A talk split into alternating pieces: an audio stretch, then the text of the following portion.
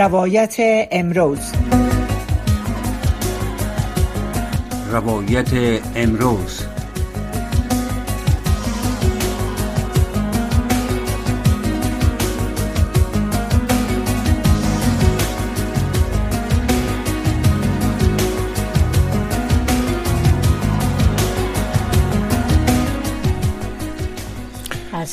علیکم درنوریدونکو بیا هم بخیر راغلی ستاسو غټ پروګرام ته.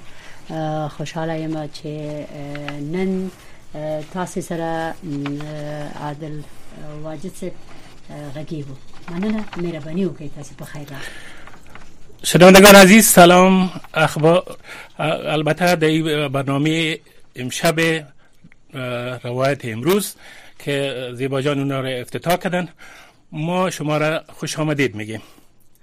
برنامه امشب روایت امروز با فصل نیالشانی در افغانستان اختصاص دادیم. بهار در پیش و افغانستان منتظر نیالشانی در کشور است. افغانستان در گذشته یک کشور سرسبز محسوب می شد که مناطق وسیعش از جنگلات و سرسبزی پوش پوشش داشت. ولی در طی سالهای متمادی و تمدنهای بزرگ این سرسبزی روز به روز کاهش جنگلات رو به نابودی گذاشتن و سرسبزی در افغانستان از بین رفت. با وجودی که همه ساله به نام نیالشانی البته محافل برپا میشه و اهمیتش گوشزد خاص و هم میشه مگر نتیجه چندان ملموس برای سرسبزی افغانستان هنوز البته نداده است.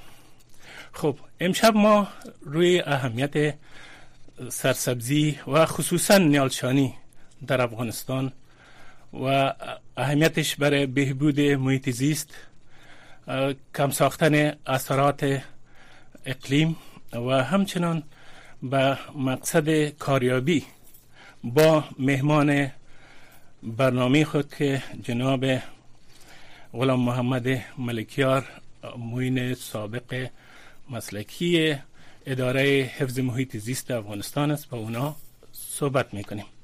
حالا می‌بینیم که جناب ملکیار صاحب خط تلفن هستن. ملکیار صاحب صدای من میشنوین؟ بله سلام استاد خدمت شما و خدمت شنونده عزیز شما. بسیار خوش آمدین به برنامه.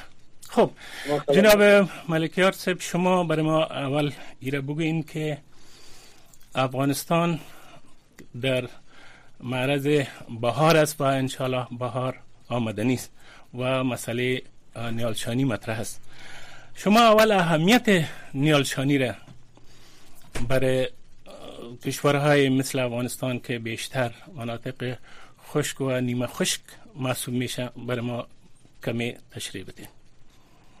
تشکر جناب استاد شما در مقدمه تمام مسائل تقریبا بیشتر مسائل پوشش داده.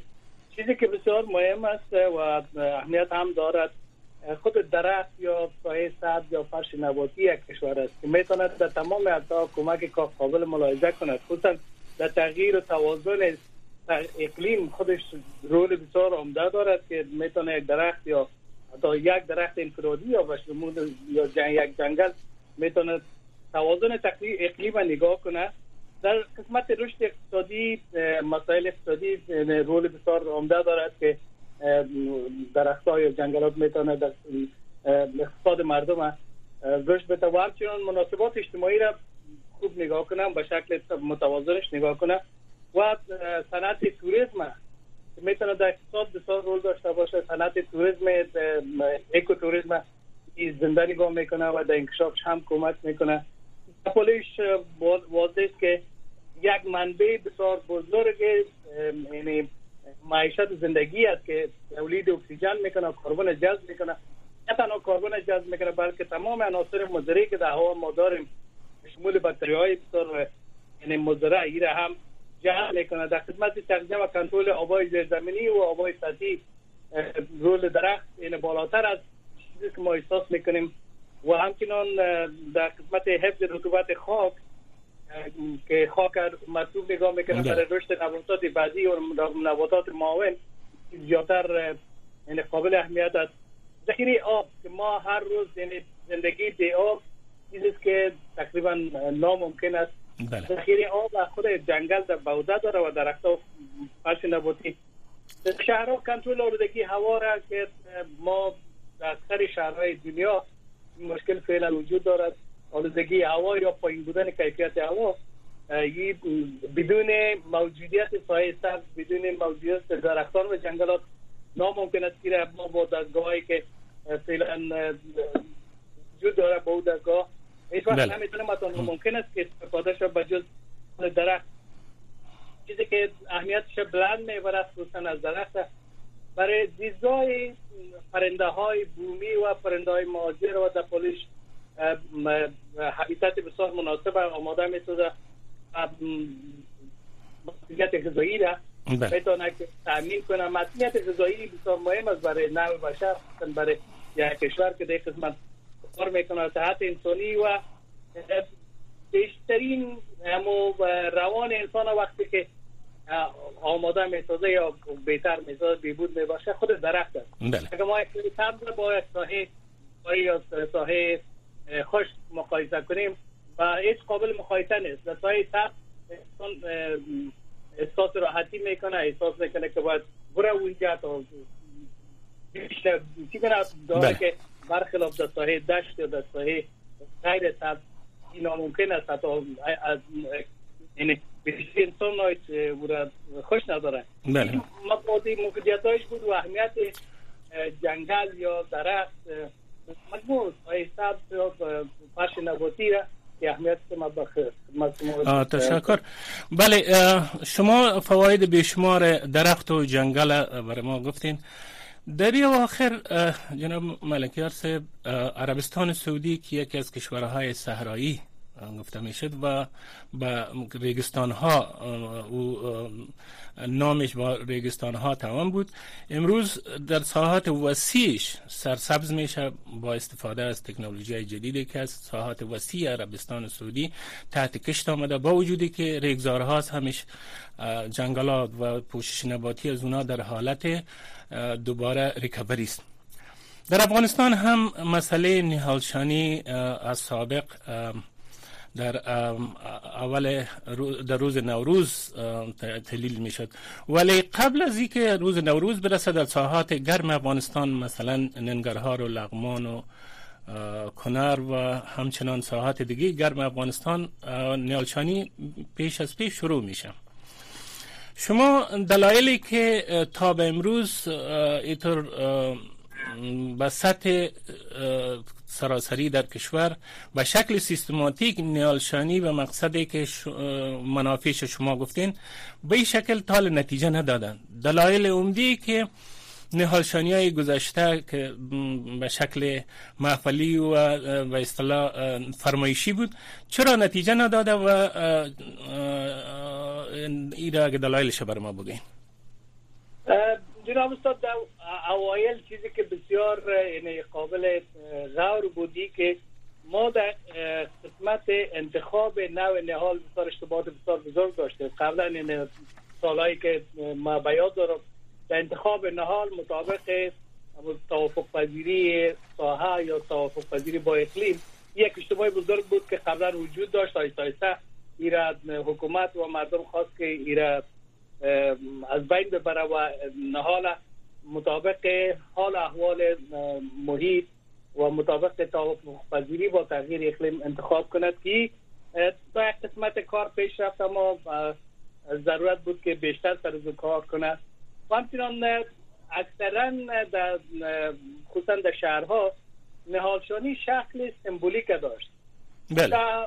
هفته نوروز خصوصا در یه اواخری که باز کمره های شخصی و چی برآورده بود که هر کس می‌خواست یک درخت غرب کنه و بالاخره او را به- به باد فنا می‌دادن بله. داره که حفظ مراقبت نهال بسیار مهم است بله. نهال شاندن آسان است اما حفظ مراقبت بعدی از اون کار بسیار مهم است که این مشکل وجود داشت و تا حد را کار شد اما مشکل وجود داشت و هیچ جنگلات یا درختایی که غرق می‌شد حفظ مراقبت نمی‌شد.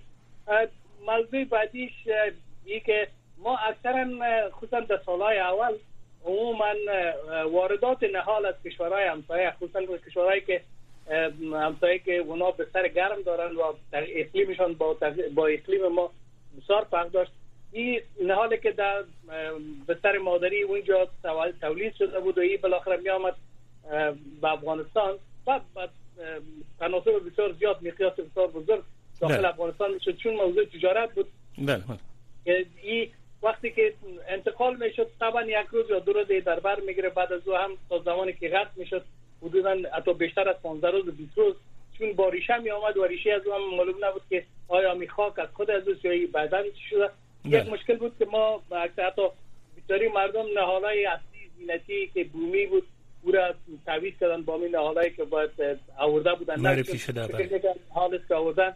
اما یک مشکل بسیار عمده را بار آورد که نه تنها خود از از بین رفت در زدن ظرف سه چهار ماه بعدش از بین رفت بلکه ما هم همو همو ذخایر و اسیتای خودم از دست دادیم در یک چیزی که بسیار اونجا در افغانستان در مجموع چون من حیث یک قلم تجارتی کار می‌شد جنگلات اجتماعی بین مردم و جنگلات خصوصی. یک سنت عام است که هر هر سال خود دیخان بالای زمین خود جنگل غرق می‌کنه خصوصا در قسمت هایی که جنگلات میوادار و باغ ها که ایجاد شده بوده اونجا زیاد کوشش شد که هم درخت های میوادار بیشتر شود و هم در پولش توسعه باغ ها کم زیده قسمت حکومت کار کرد و هم مردم هم گرفتن. اما درخت هایی که در شهرها این سر و صدا بارها ما داشتیم در داخل و تا به سطح کابینه این موضوع مطرح می شد که حداقل ما در شهرهای خود اما تحقیق بسیار درست و مناسب برای جنگلات شهری خود نداشتیم و هر کس خصوصا زیادتر کوشش می‌کردن که همین درخت های سوزنی برگ و درخت های پهنبرگ بله. پهنبرگ و سوزنی برگ باید رواج پیدا کنه داله که می‌شد ما درخت های پهنبرگ به آب زیاد ضرورت داره تا سوزنی برگ هم در اوایل بارگ با آب بسیار زیاد ضرورت داره داره که ما انواعی بسیار خوبی را داریم که در مقابل هم در مقابل خشکی مقاومت داشتن و هم در مقابل برای خود حفظ محیط و برای تولید اکسیژن و جذب کربن این بسیار رول داشت. این و نهالا معمولا باد فراموشی گذاشته شد. خوشبختانه چیزی که ما تاریخی بسیار خوب داشت ما در اوایل معمولا یعنی کوریه ها مربوط وزارت زراعت بود در, سال 2001 و 2002 به سطح کوریای جنگلات زینتی بسیار کم بود. در وجود در بسیار ناچیز یک چیز بود که رول ما خواستیم که رول سکتور خصوصی رو در قسمت بیشتر بسازیم. تشویق کنیم دیاقین خصوصا در اطراف شهرها که اونا خوری شخصی را تولید کنن نهال تولید کنن و بعد با فروش برسن. کی نتیجه بسیار خوب هم داده بود و فعلا خوشبختانه در اواخر که ما مطالعات داشتیم یعنی تقریبا حدود 70 فیصد 70 الی 80 فیصد جنگلات شهری ما هایی که بعد اطراف خود شهر تولید می‌شد به شمول کشت گل. ای رواج پیدا کرد. قسمت بهبود خب میگه درست. میگه یک موضوع دیگر می‌خواستم بباشین وقت ما ولی که متاسفانه وقت ما بله. بسیار کم است. بسیار عباد وسیع داره. ملکیار صاحب در حال حاضر تکنولوژی بسیار موثره. برای حفظ و مراقبت نیال به وجود آمده. مثلا امی سیستم های آبیاری جدیدی که است با آب کم تعداد زیاد نیال ها میشه که تربیه شوند. این تکنولوژی ها رفته رفته در افغانستان خصوصا در کابل هم ما گاگای میشنویم که رواج پیدا می‌کنه. چنانچه در چند قبل از اطراف بند قرغه اونا حوز کلان جور کردن و گفتن که ما در حدود چند 20 25 هزار نیال اطراف بنده با امی سیستم قطری ایجاد می‌کنیم. به نظر شما این سیستم قطری برای برای نیال ها تا کدام اندازه موثر است و چقدر در حفظ آب در سرسبزی درخت ها مهم است؟ و چقدر اثر مثبت داره؟ بازم مراجعه میشه به حفظ مراقبت نهال جناب استاد. خب سیستم قطعی یک سیستم مناسب است در اکثر جاها اما در اکثر جاها نتیجه خوب در افغانستان هم نتیجه نتایج خوب رازی برای آوردن و چیزی که مهم است حفظ مراقبت ما در قسمت باغ بالا داشتیم سیستم قطعی را که همون درختایی که در باغ بالا بود. اکثرا زنده مون به خاطر از اما ظرف 6 ماه الی یک سال اکثرا این پایپای دی برده شد پایپای زیر اما پایپای خورده که در اطراف درختان بود کاملا از بین رفت و به شکل از شکل مختلف بردن او یا کشیدن بردن یا زیر پایش رو دقت شد. مثلا در زمستان و همچنان اما تانک fertilizer که بود تانک کود هم او را بردن. در قسمت بلواردهای خود جادهای شهری را نتیجه خوب نداد. اما در قسمت هایی که داخل محوطه وزارتخانه ها یا جایی که محافظت میشه. بله. باغایی که زیر کنترل بود اینا نتیجه بهتر داده و یکی از از وسایلی که می‌تونه در قسمت کمک کند. چیزی که حال زیادتر در دیگه جا هم از استفاده می‌کنم مثال که شما در خصوصا در قسمت عربستان سعودی دادن کال سیستم اسپری بسیار که از کم برگار میشه هم منفاج برس میشه و هم آب زیر زیر چی میره؟ زیر چی ذخیره میشه؟ زیر نهال ذخیره میشه که می‌تونه در قسمت کار کند. و در پولیش به خاطر متقدم و به خاطر اجال اما عجل بودن کار می‌تونن از تانکری هم استفاده کنه. اما سیستم قطره آبیاری اگر وسایل ارزان و اقتصادی باشد می‌تونه کمک کنه. خصوصا در شهرها اما در اطراف آب روان است و فقط ضرورت به این داره که دیخان چطور از او آب استفاده کنه و نهال خودش تو بتونه او رو بهتر خودش می‌کنه. درست. خب یک مسئله که دائم مطرح میشه. در شرایط فعلی ملل متحد برای پروگرام های بشری و رساندن مواد غذایی در سرتاسر سر افغانستان از طریق امدادهای بین‌المللی مقدار زیاد کمک ها را خصوصا امسال دریافت کرد و اونا میگن که خصوصا یو دی پی ادامه می‌کنه که ما تا چند برای یکی دو سال آینده برای یک میلیون نفر در افغانستان زمینه اشتغال فراهم می‌کنیم. ولی طوری که دیده شده اشتغال بسیار ناچیز است. یکی از طرقی که میشه در دهات قصبات شهرها و همه برای مردم زمینه یک کارهای فصلی را ایجاد کنه. اینمی ایجاد قوریجات غرس نال و مراقبت از نال است. که ملل متحد اگر هرگاه امی کار کنه که خصوصا با کمک مواد غذایی که توضیح می‌کنن خصوصا کسایی که طاقت و توانایی کار داره میشه که برای اطراف و جوانب تپه ها در کابل و سایر شهرها در شهرهای کوچک در در دهات و غیره امی سیستم های باعث استفاده از سیستم های اصری تر زمینه نیالشانی های پروژه بزرگ روی دست بگیرن که بهترین وسیله برای کاریابی برای هزاران نفر است. اما این طوری که معلوم میشه ملل متحد با همکاری با وزارت زراعت یا اداره حفظ محیط زیست و دیگه کار نمی‌کنه و معلوم میشه که هر یک به راه خود روان است. در این قسمت شما چه نظر دارین که چطور می‌تونه که بهترین زمینه اشتغال از این طریق نه تنها در ساحات غیر جنگلی بلکه در جنگل ها هم به وجود بیاره؟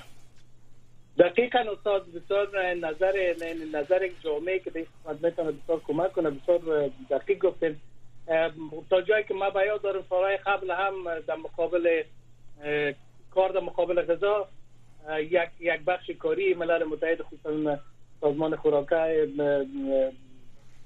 ملل متحد قسمت کار می‌کرد. در در قسمت کمربند سبز شهر کابل هم یک مقدار کارهای بسیار خوب صورت گرفت. سالهای قبل با کمک مردم و کمک حکومت. خصوصا در آخر که اداره عملیاتی به دوش گرفت.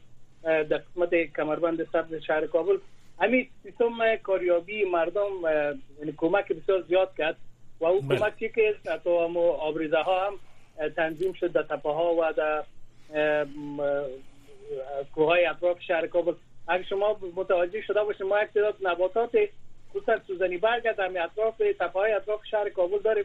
معمولا پیش از اینکه نمو کنه توسط خورما و مواشی که مردم اونجا میچرانه از بین میره. و سال بعدی باز هم باز هم رشد می‌کنه. که این قسمت در رشد از او می‌تونه این پروگرامی که خصوصا کار در مقابل غذا باشد می‌تونه با هماهنگی با اداره دولتی کار کند. اما یک چیزی که کل ما شما در قسمت تجربه داریم کارهایی که از طریق مؤسسات و از طریق خصوصا ادارات کمک کننده صورت می‌گیره. بسیار کارهای موقتی و کوتاه مدت بوده.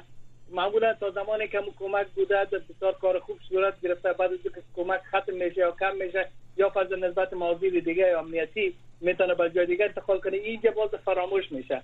ما اکثر این تجربه تلخ از سالها بیسو داریم و امیدوارم که من بعد به نظر گرفته شود.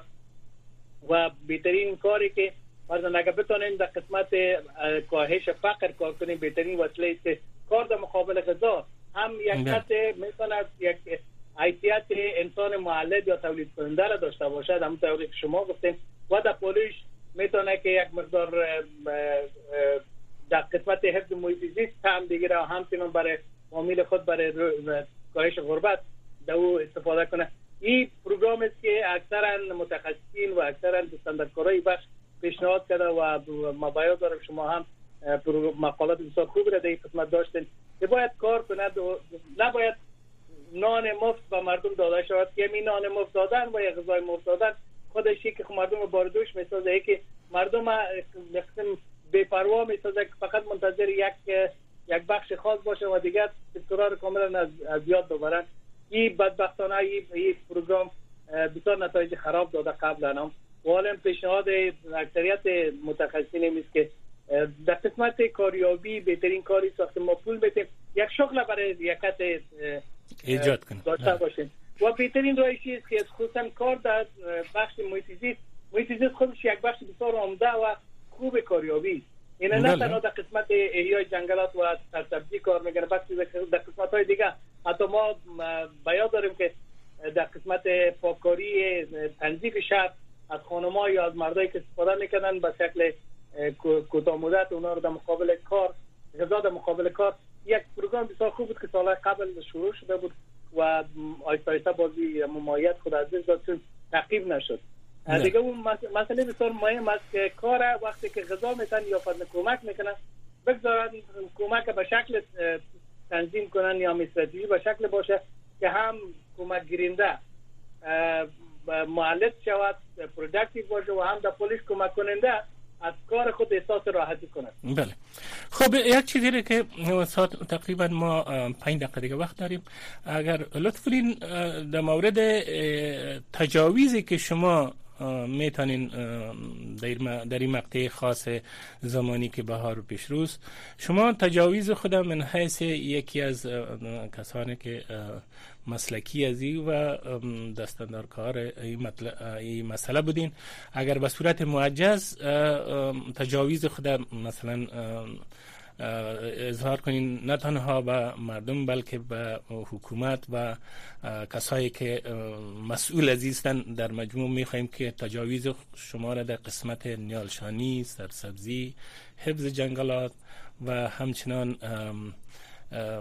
مسائل مربوطش اگر برای ما بیان کنین. بفرمایید. یکی از کارهایی که بسیار می‌تونه بنیادی و داومی باشد این ابتکار به خود مردم مردم بانی بسازد و جامعه را بانی بانی بسازن تا خودشان ابتکار به دست بگیرن ما بیاد داریم شما اگر دیده باشین شهر کابل از سال 2005 تا سال 2013 14 تا سال حتی 2020 یک تغییر بسیار خوب را شاهد بود که مثلا در قسمت سرسبزی یکی از کارهایی که نتیجه بسیار خوب داد و این کار و کل تقریبا حکومت و مردم مشترک هم کار کردن. ایجاد انجمن ها بین خود مردم به شکل داوطلب مثلا جوانا اینا داوطلبان حاضر شدن و خودشان ابتکار به گرفتن که ساحات مسکونی خود سرسبز می‌سازن و بله. حالایی که غرق می‌کنن اونا چی کنن حفظ مراقبت کنن. و این نتیجه بسیار خوب داده بود. نتیجه بسیار بعد که در این خدمت ما تجربه بسیار بعد داریم. تولید تهیه نهال و یا توزیع نهال به شکل لایگان رایگان به مردم است. هیچ وقتی نتیجه نداده و هیچ وقت هم قابل یعنی, برابر پول به مردم داده شد درست؟ اگر خود یک کسی باید خودش برد این تشویق مردم و ترغیب مردم خصوصا حال زیادتر می‌تونه که خدمت کنه که ابتکار خود مردم به دست بگیره خودشون به پول خود میرن پول نهال می‌خرن و میان در خانه یا در پیشوی سرک خانه خود یا در اطراف خانه خود و آپارتمان خود غرق می‌کنه و خودش از این مراقبت می‌کنه از بله. ما یاد دارم که ریشتفیدا می آمدن زیر زیر امو درخت داره که در بالا امکانات وضو یا داشتن هم بدنه یا آورده زیر درخت وضو می‌کردن تا که آب اضافی بله. از وضو برد زیر درخت این نتیجه بسیار خوب داده بود. حتی در بسیار شهرها را من شاید هستم که نتیجه بسیار خوب داد که خود مردم به حساب ترغیب شوند بله. تشویق شوند و این ابتکار به دست بگیرند بسیار خوب است. ما و شما در مجموع می‌دانیم که چنانچه حضرت محمد صلی الله علیه وسلم فرمودن که اگر شما نیالی را در دست داشته باشین و قرار باشه که فردا قیامت روز قیامت باشه. شما اون نیال فوری غرس کنین. شما اهمیت یه زیره آدم روی ازی حدیث شریف میدانه. دیگه در حالتی که همه مردم افغانستان بسیار مهاجرت ها تکلیف ها بیوطنی را گذاشتاندن تکلیف های را همه هم بسیار مردم افغانستان آواره در سطح جهان هستند. و کسایی که خوشبختانه در محل خود زندگی می‌کنن در شهر خود زندگی می‌کنن و آینده خودشان و اولادشان مربوط به می کشور است. به فکر ما ملکیار صاحب که بهترین یک فرصت دارن و این بهاره که امسال خوشبختانه که یک مقدار بارندگی ها و برباری ها هم شده دیگه از این فرصت استفاده کنن. به نظر شما شما چی میگین؟ کاملا دقیق است. همو که میگن صدقه جاری است هم غرس نهال و هم ابز مراقبت نهال.